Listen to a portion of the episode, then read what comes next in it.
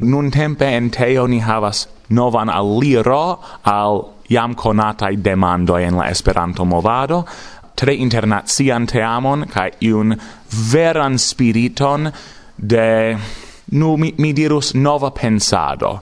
Kai unu afero vere estas che en tiu mercatica faco ni ne plu sekvos tiu in clisho in jam conatain char ili jam estas bone uzitai de aliai homoi, kai ancora usatai. Do mi non tempe tro iomete, char mi diras tutto do det reclamo, acetu toce miso in teo por subteni gian agadon. Revenu ni alla temo pri la lingua afero. Iam eh, estis rencontigio con John Wells, kiu eh, mm. multe laboris eh, por British Consul kai eh, yes. esploris la anglan lingvon circa la mondo kai ni discutis tiam pri la aferoi, kai li pruvis clare che en la angla ne cie en la mondo li povis eh, intercomprenigi, dum kiam en Esperanto li ne havis problemon ec kun studentoj en suda Koreio. Se tamen multaj esperantistoj opinias, ke jam ni perdis ŝancon, ĉar la anglan oni parolas en la tuta mondo. Kion vi pri tio? Do kiel denaska anglingvano, kiu multe vojaĝis dum sia juneco, Hanso, ci tiu homo antal vi povas garantii al vi che ne estas parolata la angla en ciu angulo de la mondo.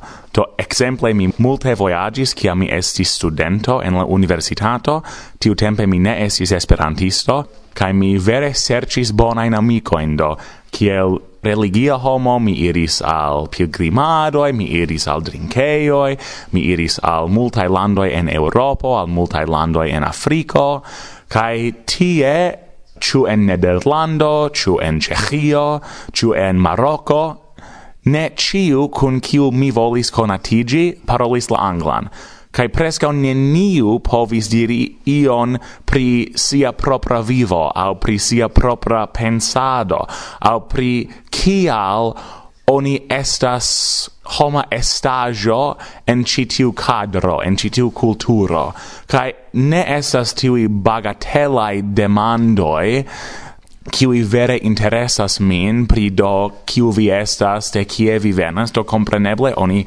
comenzu je la comenzo, ĉu ne? Sed mi vere volis esplori nu pli profundan tavolon de la homa vivo, kaj uzi la anglan por tio, kiu estas tute komerca lingvo, kripligita lingvo, uh, verdire en sufice granda parto de la mondo, uh, usata nur por commerzo, eble por specti iuin humurain usonain televid elsendoin, sed gi ne esas usata por priparoli la spiritan, la culturan, la animan vivon de la homo, au pri tre belega arto, ni diru, pri la vera culturo de aina lando.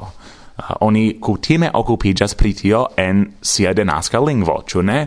Kaj kompreneble oni sentas sin tute nekapabla se oni volas uzi la anglan por tio.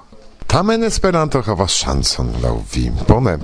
Kelkaj el la fidelaj aŭskultantoj iam mm, aŭdis tiun mallongigon nask kiel kiel vi rilatas al tiu nask? Kio estas nask? Yes do nask estas la tre fama nordamerika somera kurso de esperanto. Do efektive antau nun char estas jam 2019 antau quindec jaroj oni fondis nask en usono por vere klerigi la usonan esperantistaron.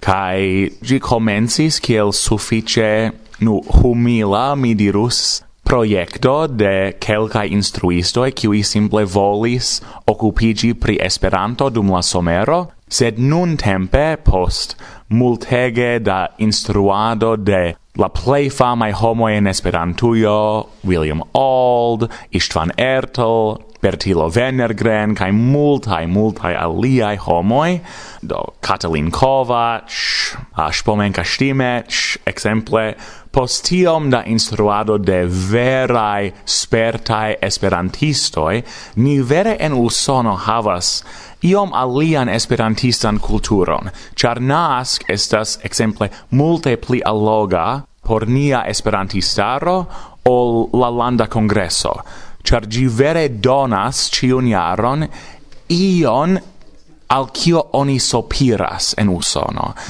tiun momenton kiam oni povas, exemple en gufujo gis la tria matene, priparoli grammatica in ticlajoin, pos ok horoi de sudado dum la tago.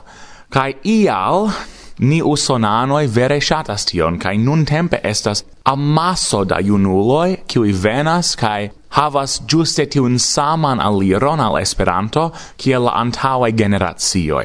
Do ĝi vere estas aparta esperantista kulturo, kiu compreneble ne placas al ciu usonano, estas tiui tre festemai, musicemai, dansemai usonanoi, sed mi vere credas che pro nia cultura fono, tiui kiui interesigas pri Esperanto, vere volas ellerni gin. Do, exemple, mi lernis Esperanton antau tri jaroi cae duono.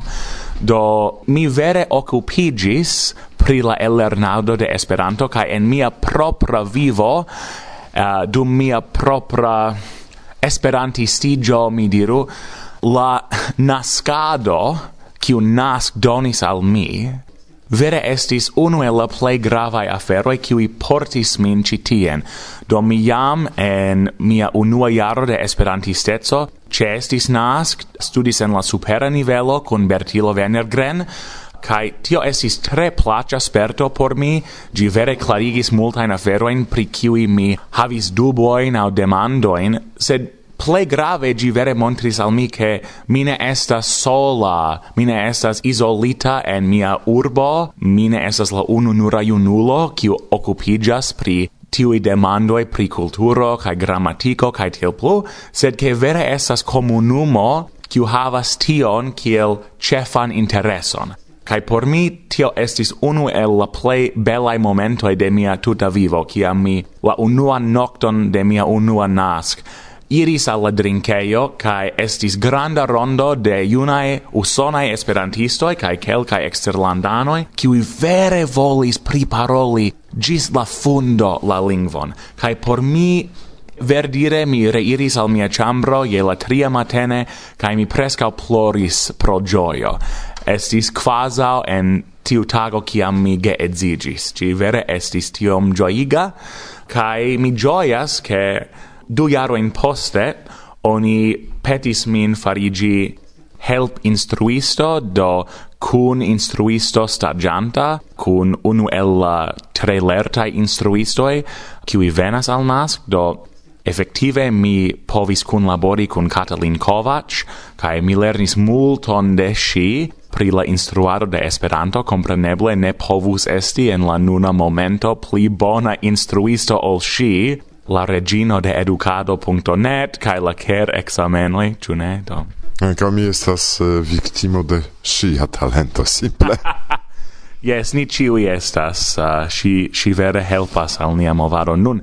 Kaj poste mi estis treege surprizita, ke ili petis min farigi vera instruisto, do effettive ciare nun giune, char estas jam januaro, mi instruos uh, la comensantan curson en NASC memstare. Do NASC, se vi volos veni, auscultantoi, ocasos de la dudec naua de junio gis la oca de julio en la tre bella chef urbo de la usona stato Norda Carolino.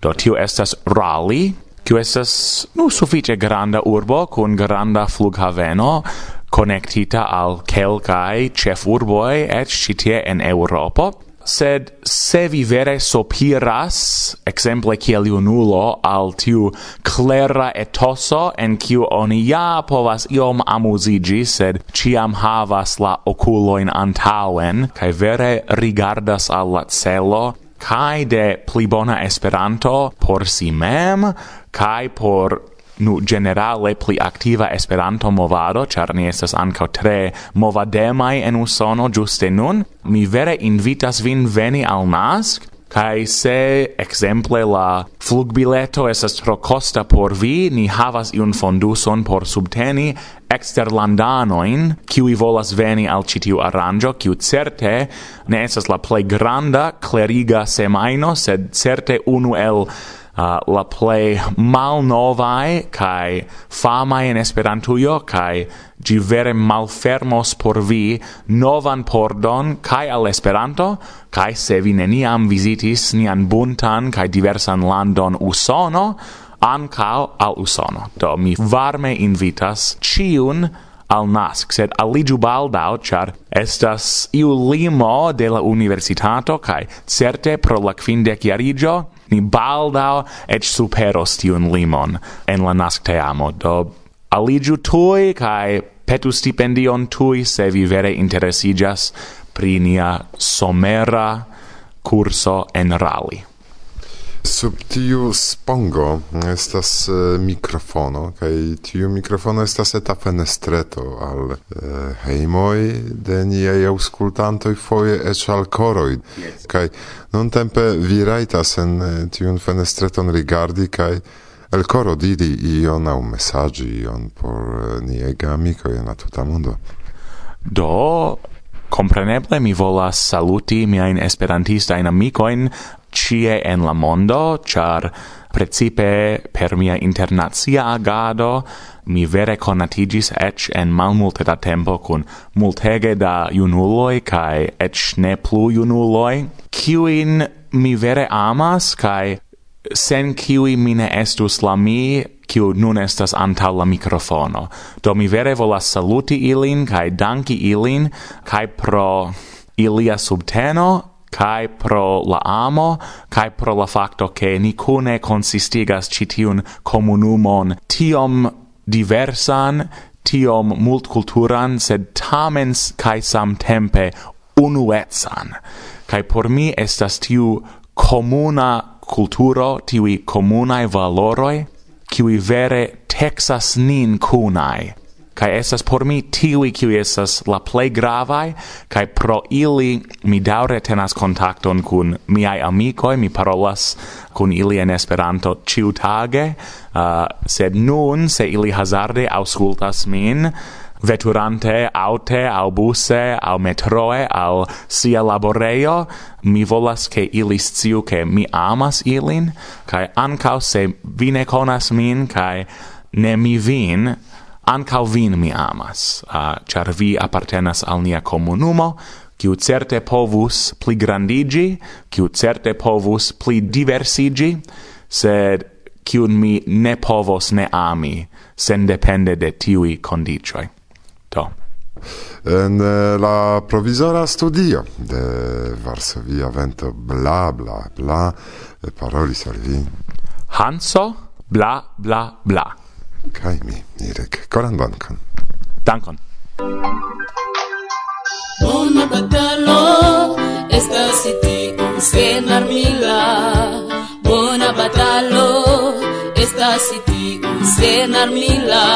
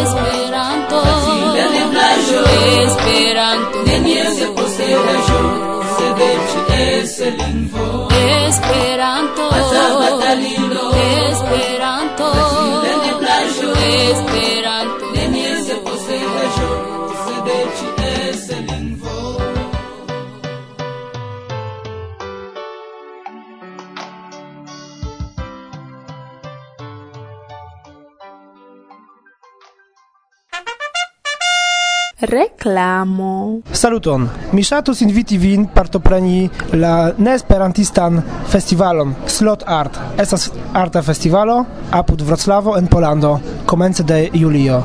Mi ŝatus venigi tien pli de esperantistoj. Krakulali Gilan.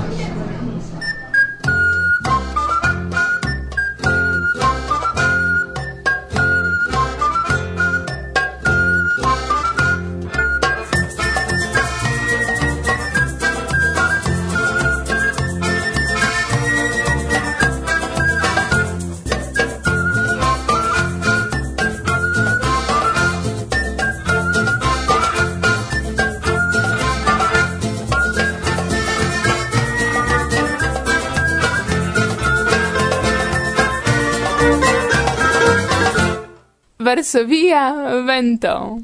Saluton, mi estas Chen, kaj nun mi invitas vin a la angulo de Jorge Camacho. Mi ŝatus reklami miajn lastajn du poemarojn kiel kutime Brulvunde kaj Palestino strangolata, sed nun mi legos poemon kiun mi verkis post ili kaj temas pri Esperanto. Ĝi titoliĝas Ludoj kaj estas iom longa aŭ kiel mi satus diri al Renato, mal curta. Ien la poemo. Ludoi. Esperanto la lingvo estas ludo. Zamenhof lude gin construis, ni ceterai ludas plu per giai elementoi, ne nur en spritai vortludoi, sed ancau cun metante frason, vorton, au provante, ec lanciante mis novan esprimon por basa comunica besono. Cetere, iui ludas esperanton beletre kiel saxofonon au liuton, aliai torturas gin cabinete, pleitede cae logike, au pretendas roli kiel la autoritato lingvo provose, lingvo pape, lingvisitie. Kai estas ludo anca la afero Esperanto. Ne unu, sed mil ludoi en vortizo de reguloi, cun personoi tiel obsedatai de ludado, ke ili neglectas mangi, dormi, fiki, captite en pala auctio de postenoi, titoloi cae organoi, au en delira reto de reverresonoi cae mantroi. Yes, ja, per Esperanto eblas bali, futbali, shaki, triktraki, globeti, kubjeti, kashigi, pokeri, ciu serioze, metie au amuse, ciu concure au medite ca ermite. Sed ludoin oni povas ancau sole specti, au forlasi ca eviti, au ecludi alia in ludoin pli vivigain.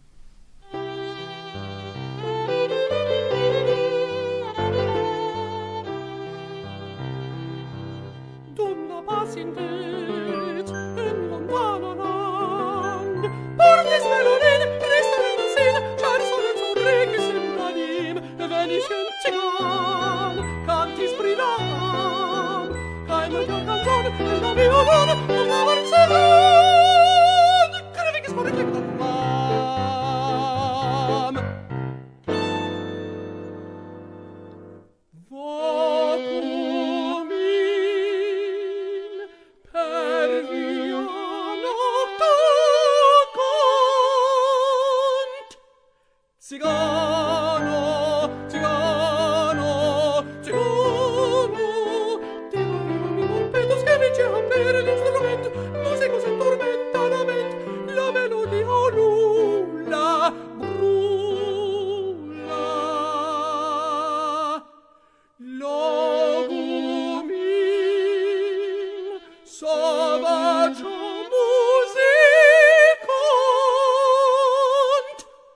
Cigar!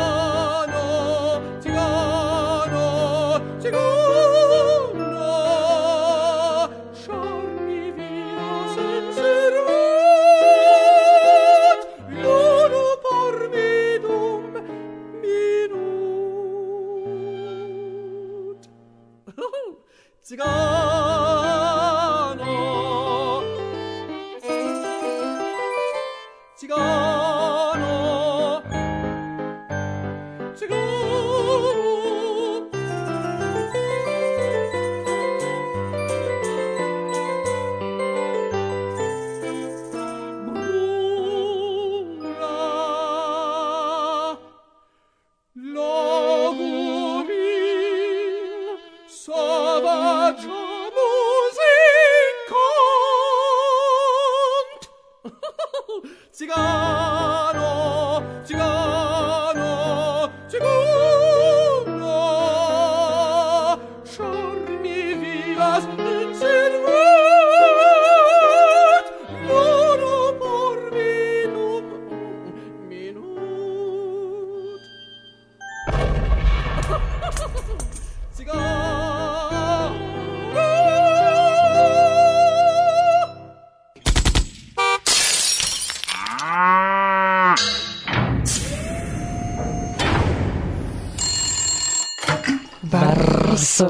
vento.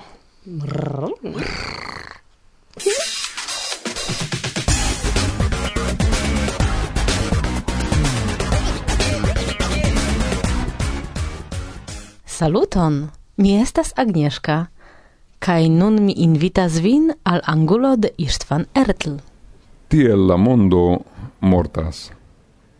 Mi pardon petas pro la morna morta temo, sed ne eblas gin escapi. Mia edzino, Fabien, mortis en hospitalo, dum mi cusis apud Ciam Chiamanta dudec iaroi cancero murdis conatinum de nia agio, ni consternigis, compatis, condolensis. Sed temis pri io nepre exter la normalo, al ni tio ja ne povus ocasi. Nun ocasis. Ciu nun, ciu anta monatoi, al mi sentigas same. Tial mi ne capablis verci mia rubricon por la antaua numero, cae ec nun mi scribas nur po pezzetoi, lau ia singultado de ideoi. Mi saltas cae lasas funcii la radion dum tage, cun aine stultae au malstultae programoi, cae tio creas etoson en ciu eblas imagi che ancao Fabience estas. Ja existis tiom da tagoi, dum kiui la radio bruis, cae si cestis. Ien normala fenomeno en citiu funebro faso, cio memorigas pri si, vestajoi, dentobroso, mansaceto, Mia filo proponas mangi mangon, mi acceptas. Fabien iam diris che estus practice havi specifan mango kuleron. Mi klopodis aceti por si tian, kiel Krisnas kandonacon, sed mi nenie trovis. Mi controlas ciam monuion por trovi moneroin. Estas nur cendetoi, sed plurige trafas miain oculoin pag attestoin, pag attestoi, sen escepte el decembro, nur apotecae au prihospitala parcado. Dume, amasigas facturoi ca quitanzoi ne librotenitai, cer ciam Fabien faris la contadon. Ciam laste, Mi baldau constatos, ciam mi havos curagion por tiu tasco. Ca ciam si lastfoje iris al nia supra etaggio, mese de decembro si ancora o fortis, ciam si iris alla celo, ca cium libron si laste legis, ciu gestis strato de Tagna de Calic Nivile. Nu, certe si legis gingis la pagio tridec dua, char tion attestas faldita oreleto ciam si laste dormis en sia lito, tion mi precises cias. Nia domo aperas al mi nun tempe kiel ia pra arbaro, kie mi conas certain padoin, sed la cetera in partoin nur iom post iom mi malcovras pro ia urgio kiel necessa riparo, au simple pro la besono shangi littucoin. Antaue, mi ciam havis ciceronon en la giangalo au forstisto el arbaro au sed non mi staras perdita.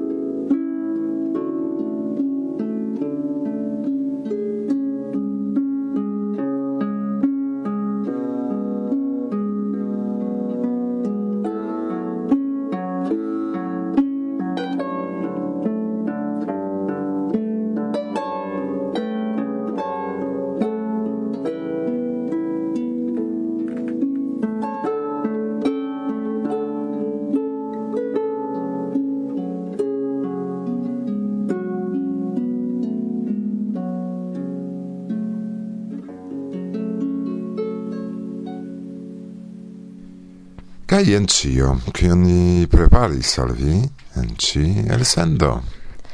Kaj sekva aperos fine de la marto. Kaj en inter alie vi audos, iom da violona muziko de Garo. Kaj poemoin de Angel el Malago. Do. Cion bonan al vi, kie ein vi loĝas, karaj. Bla bla bla. Gis. Kaj gis. Bla bla bla. En la mondon venis nova sento, tio estos Varsovia vento.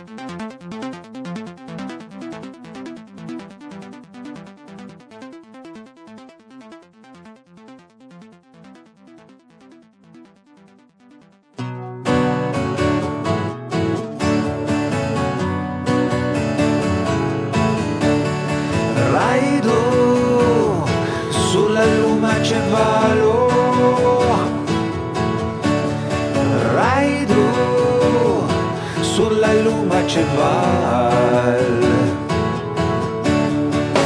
Vi pomos pri vi kaj mi Che tio ne estis amo Vi povos nei la senton tui Sed nun vi ardas en flamo Pro tiu